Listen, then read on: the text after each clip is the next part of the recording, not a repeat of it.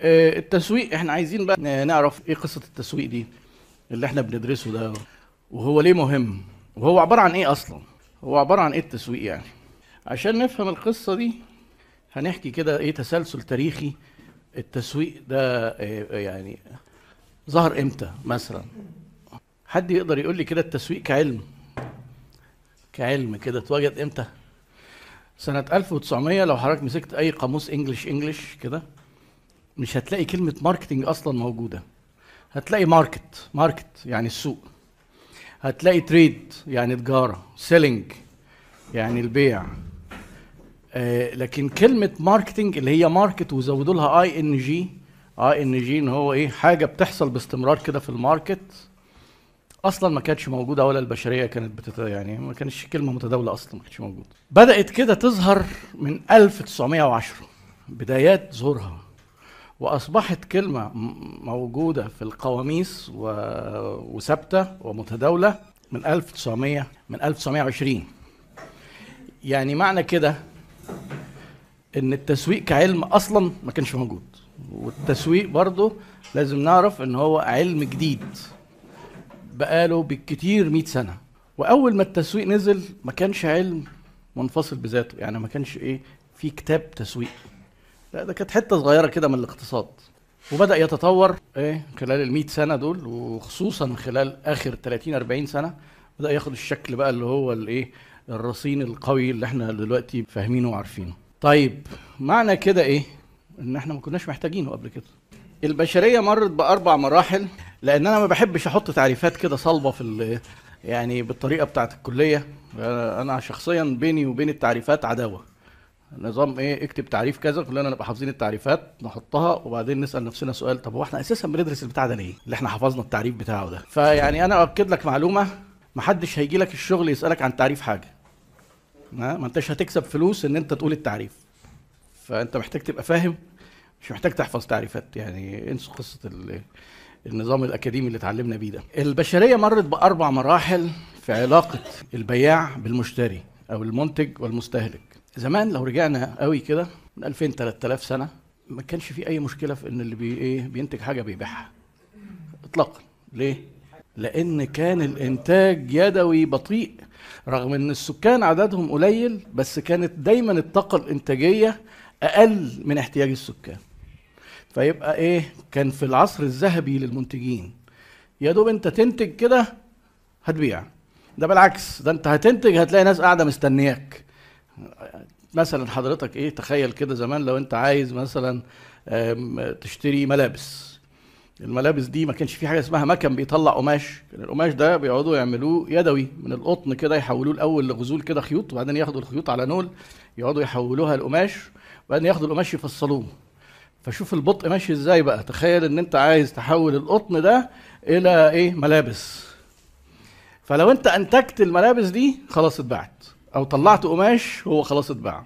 كان دايما في شورتج كان دايما في عرض أقل من الطلب.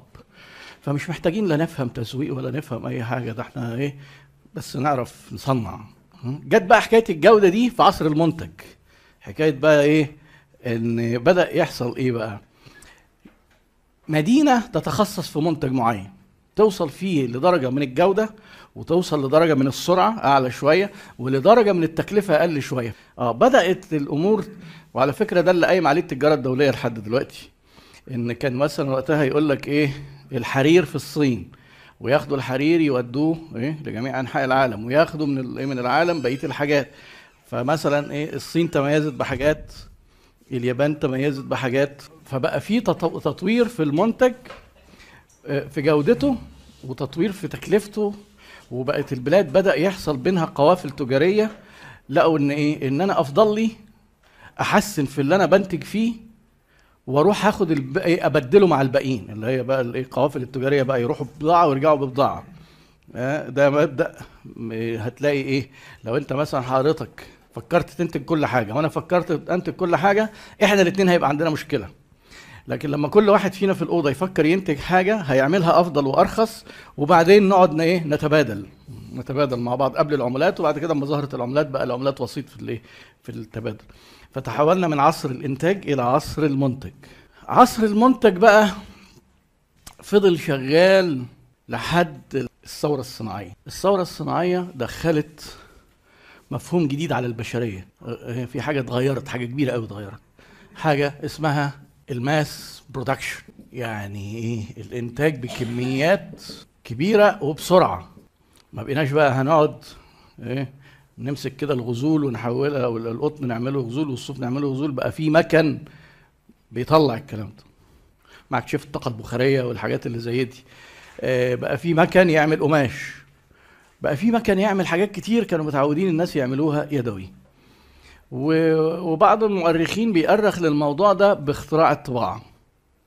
أول حاجة الإيه؟ البشرية بدأوا يتعاملوا معاها بكمية كده. طباعة الكتب لما خواجة ألماني اسمه جوتنبرج لو كنت سمعتوا عنه آه عمل مكنة. المكنة دي بتطبع كتب بسرعة جدا والسرعة كمان كانت إيه؟ كانت نقلة نقلة في طريقة تفكير الناس. يعني كان مثلا إيه؟ لو واحد مؤلف كتاب وعايز يعمل منه مثلا خمسين نسخة فممكن واحد يقول له أنا الكتاب ده هكتبه لك في في شهر. فأنا محتاج خمسين بني آدم يقعدوا شغالين شهر عشان يدوني خمسين نسخة أو واحد أقعد مستناه بقى إيه خمسين شهر كل شهر يديني نسخة. لما الراجل ده عمل المكنة بتاعته بقت بتطلع 500 كتاب في اليوم. آه، شايفين النقلة بقى حصلت إزاي؟ 500 كتاب في اليوم دي حتى إيه حتى في ناس ما عرفتش تستوعب النقلة دي. وكان وقتها اللي حاكمنا في المنطقة بتاعتنا المنطقة العربية والدولة الإسلامية كانت الايه العثمانية. الخلافة العثمانية قالت لك إيه؟ الطباعة دي بصراحة المكنة دي إيه؟ فيها فيها حاجة غريبة. آه يعني آه الشياطين في ساعات بتخش في المكن. وعلى فكرة ده إيه؟ بداية انهيارنا يعني بداية إن إحنا ننزل كده أوروبا تطلع إن وقفوا قدام الطباعة. أخروها. اخروها شويتين كتار يعني. يعني الطباعة مثلا ما دخلتش مصر غير مع الحملة الفرنسية فين؟ بعدها ب 300 سنة. ف... فالمهم يعني إيه حتى كان من ضمن ال... الأسباب قال لك إن القرآن الكريم في احتمال يحصل تحريف أو تغيير في الحروف مع المكن وده لازم يكتب يدويا ويراجع وحاجات زي كده. يعني ما لناش دعوة بقى منهم لله لكن إيه ده تسلسل حصل في التاريخ فعلا. طبعا حركة التأليف والنشر بقى نشطت جدا وبقى في كتب بياخدوها يترجموها وانتشرت في أوروبا. آه، المهم دي بداية ال mass production إن أنت عندك 500 كتاب في يوم. وبعدين قيس على كده بقى قماش تلاقيك إيه انتجت بكميات كل حاجة بقت بتنتج بكميات. لما إحنا نبقى قاعدين مستنيين واحد يكتب يخلص الكتاب في شهر ونفاجئ إن إحنا عندنا مكنة واقف عليها واحد برضه طلعت 500 كتاب. كده حصل إيه في التكلفة؟ آه، قلت جدا لأن المكنة دفعنا تكلفتها مرة والبني آدم موجود. مفيش بقى ال 50 بني آدم اللي هيقعدوا شهر. طبعا الوقت يساوي فلوس. أو ما فيش بني آدم هيقعد 50 شهر فإيه التكلفة؟ قلت جدا. فبدأ دي حاجات بقى البشرية بتكتشفها لأول مرة. هي بالنسبة لنا كلها خلاص دلوقتي بديهيات. البديهيات إيه؟ اللي البشرية اكتشفتها لأول مرة زمان. بدأوا. إيه؟ يكتشفوا إن في علاقة ما بين تكلفة الوحدة الوحدة المنتجة والايه والكمية المنتجة. كل ما هننتج أكتر كل ما التكلفة هتقل. وبقى الفرق إيه؟ عن زمان بقى فرق كبير. لو بدأنا بكمية قليلة هنا التكلفة هتلاقيها عالية. وبعدين بتقعد تنزل تنزل تنزل تنزل كده لحد ما توصل عند نقطة بيقوم منزل أقل تكلفة. بس الكلام ده ما كانش إيه نقدر نحسبه وإحنا شغالين يدوي ما كانش في حاجة اسمها إنتاج كمية لأن هو البني آدم له قدرة ده قصوى. بس المشكلة إيه بقى اللي حصلت؟ إن أنا دلوقتي علشان أوصل للتكلفة دي اللي هي تكلفة ما كناش مصدقين إن هنوصل لها كنا إحنا بننتج إيه بالتكلفة دي كل ده تخفيض في التكلفة. بس ده مرتبط بحاجة مرتبط إن أنا أقعد أنتج الكمية دي. وعشان أقعد أنتج الكمية دي كل يوم يبقى لازم إيه؟ أبيع الكمية دي كل يوم. ما أنا إيه مش هنتج وأقعد أخزن وأنتج وأقعد أخزن. آه، فدخلنا كده عصر جديد اسمه عصر البيع. الشركات بقت مزنوقة في إنها عندها كميات وعايزة تبيعها. آه، ده إيه؟ ده الجديد بقى في الموضوع ده المرحلة الثالثه إن لو دي كده الشركات وده السوق أو العملاء البيع هو عبارة عن إن إحنا عندنا كميات باستمرار عايزين نزقها في ناحية السوق. فبدأ يبقى موجود إيه خلاص بدأ يبقى إيه تنظيم عملية البيع. بقى في حاجة اسمها sales force رجال المبيعات والقوة البيعية. وبدأ يبقى في مندوبين بيع ومشرفين ومديرين مناطق. بدأت الكلام ده يتبلور بسرعة إيه في أوائل الثورة الصناعية. بيع. مفيش تسويق. خلي بالكم إحنا هنعرف بعد شوية إن إيه البيع ده حاجة مختلفة تماما يعني أو هو إيه مفهوم تاني. آه، في مرحلة البيع هي كانت إيه بدأت موضوع تنظيم البيع ده عشان احتياجنا. إحنا عندنا مخازن بيدخلها يوميا كمية كبيرة لازم بنفس المعدل تخرج وإلا هيحصل إيه؟ هضطر أوقف الإنتاج لأن أنا مش هقعد أخزن الحاجات فوق بعضها كده. لو أنا وقفت الإنتاج يعني عملت إيه في الكميات؟ قللتها. يعني حصل إيه في التكلفة؟ رجعت زادت تاني. فأنا زنقتي عشان أحافظ على الفرق ده سواء هو ربح أو أحوله للعميل عشان أبيع أكتر لازم أقعد أنتج كمية كبيرة. طيب يبقى إحنا مزنوقين في إيه؟ في البيع. نعمل إيه؟ يبقى بياعين البياعين بقى دول يلفوا على الشركات يلفوا على البيوت يسافروا بلاد تانية. المهم يخلصونا من الكمية اللي بتطلع يوميا دي. بدأ يحصل إيه؟ اشتدت المنافسة. كل الشركات بقى عندها الإمكانية إنها تقدر تنتج كميات وكلهم جايبين بياعين. فكلهم إيه بدأوا يعانوا شوية.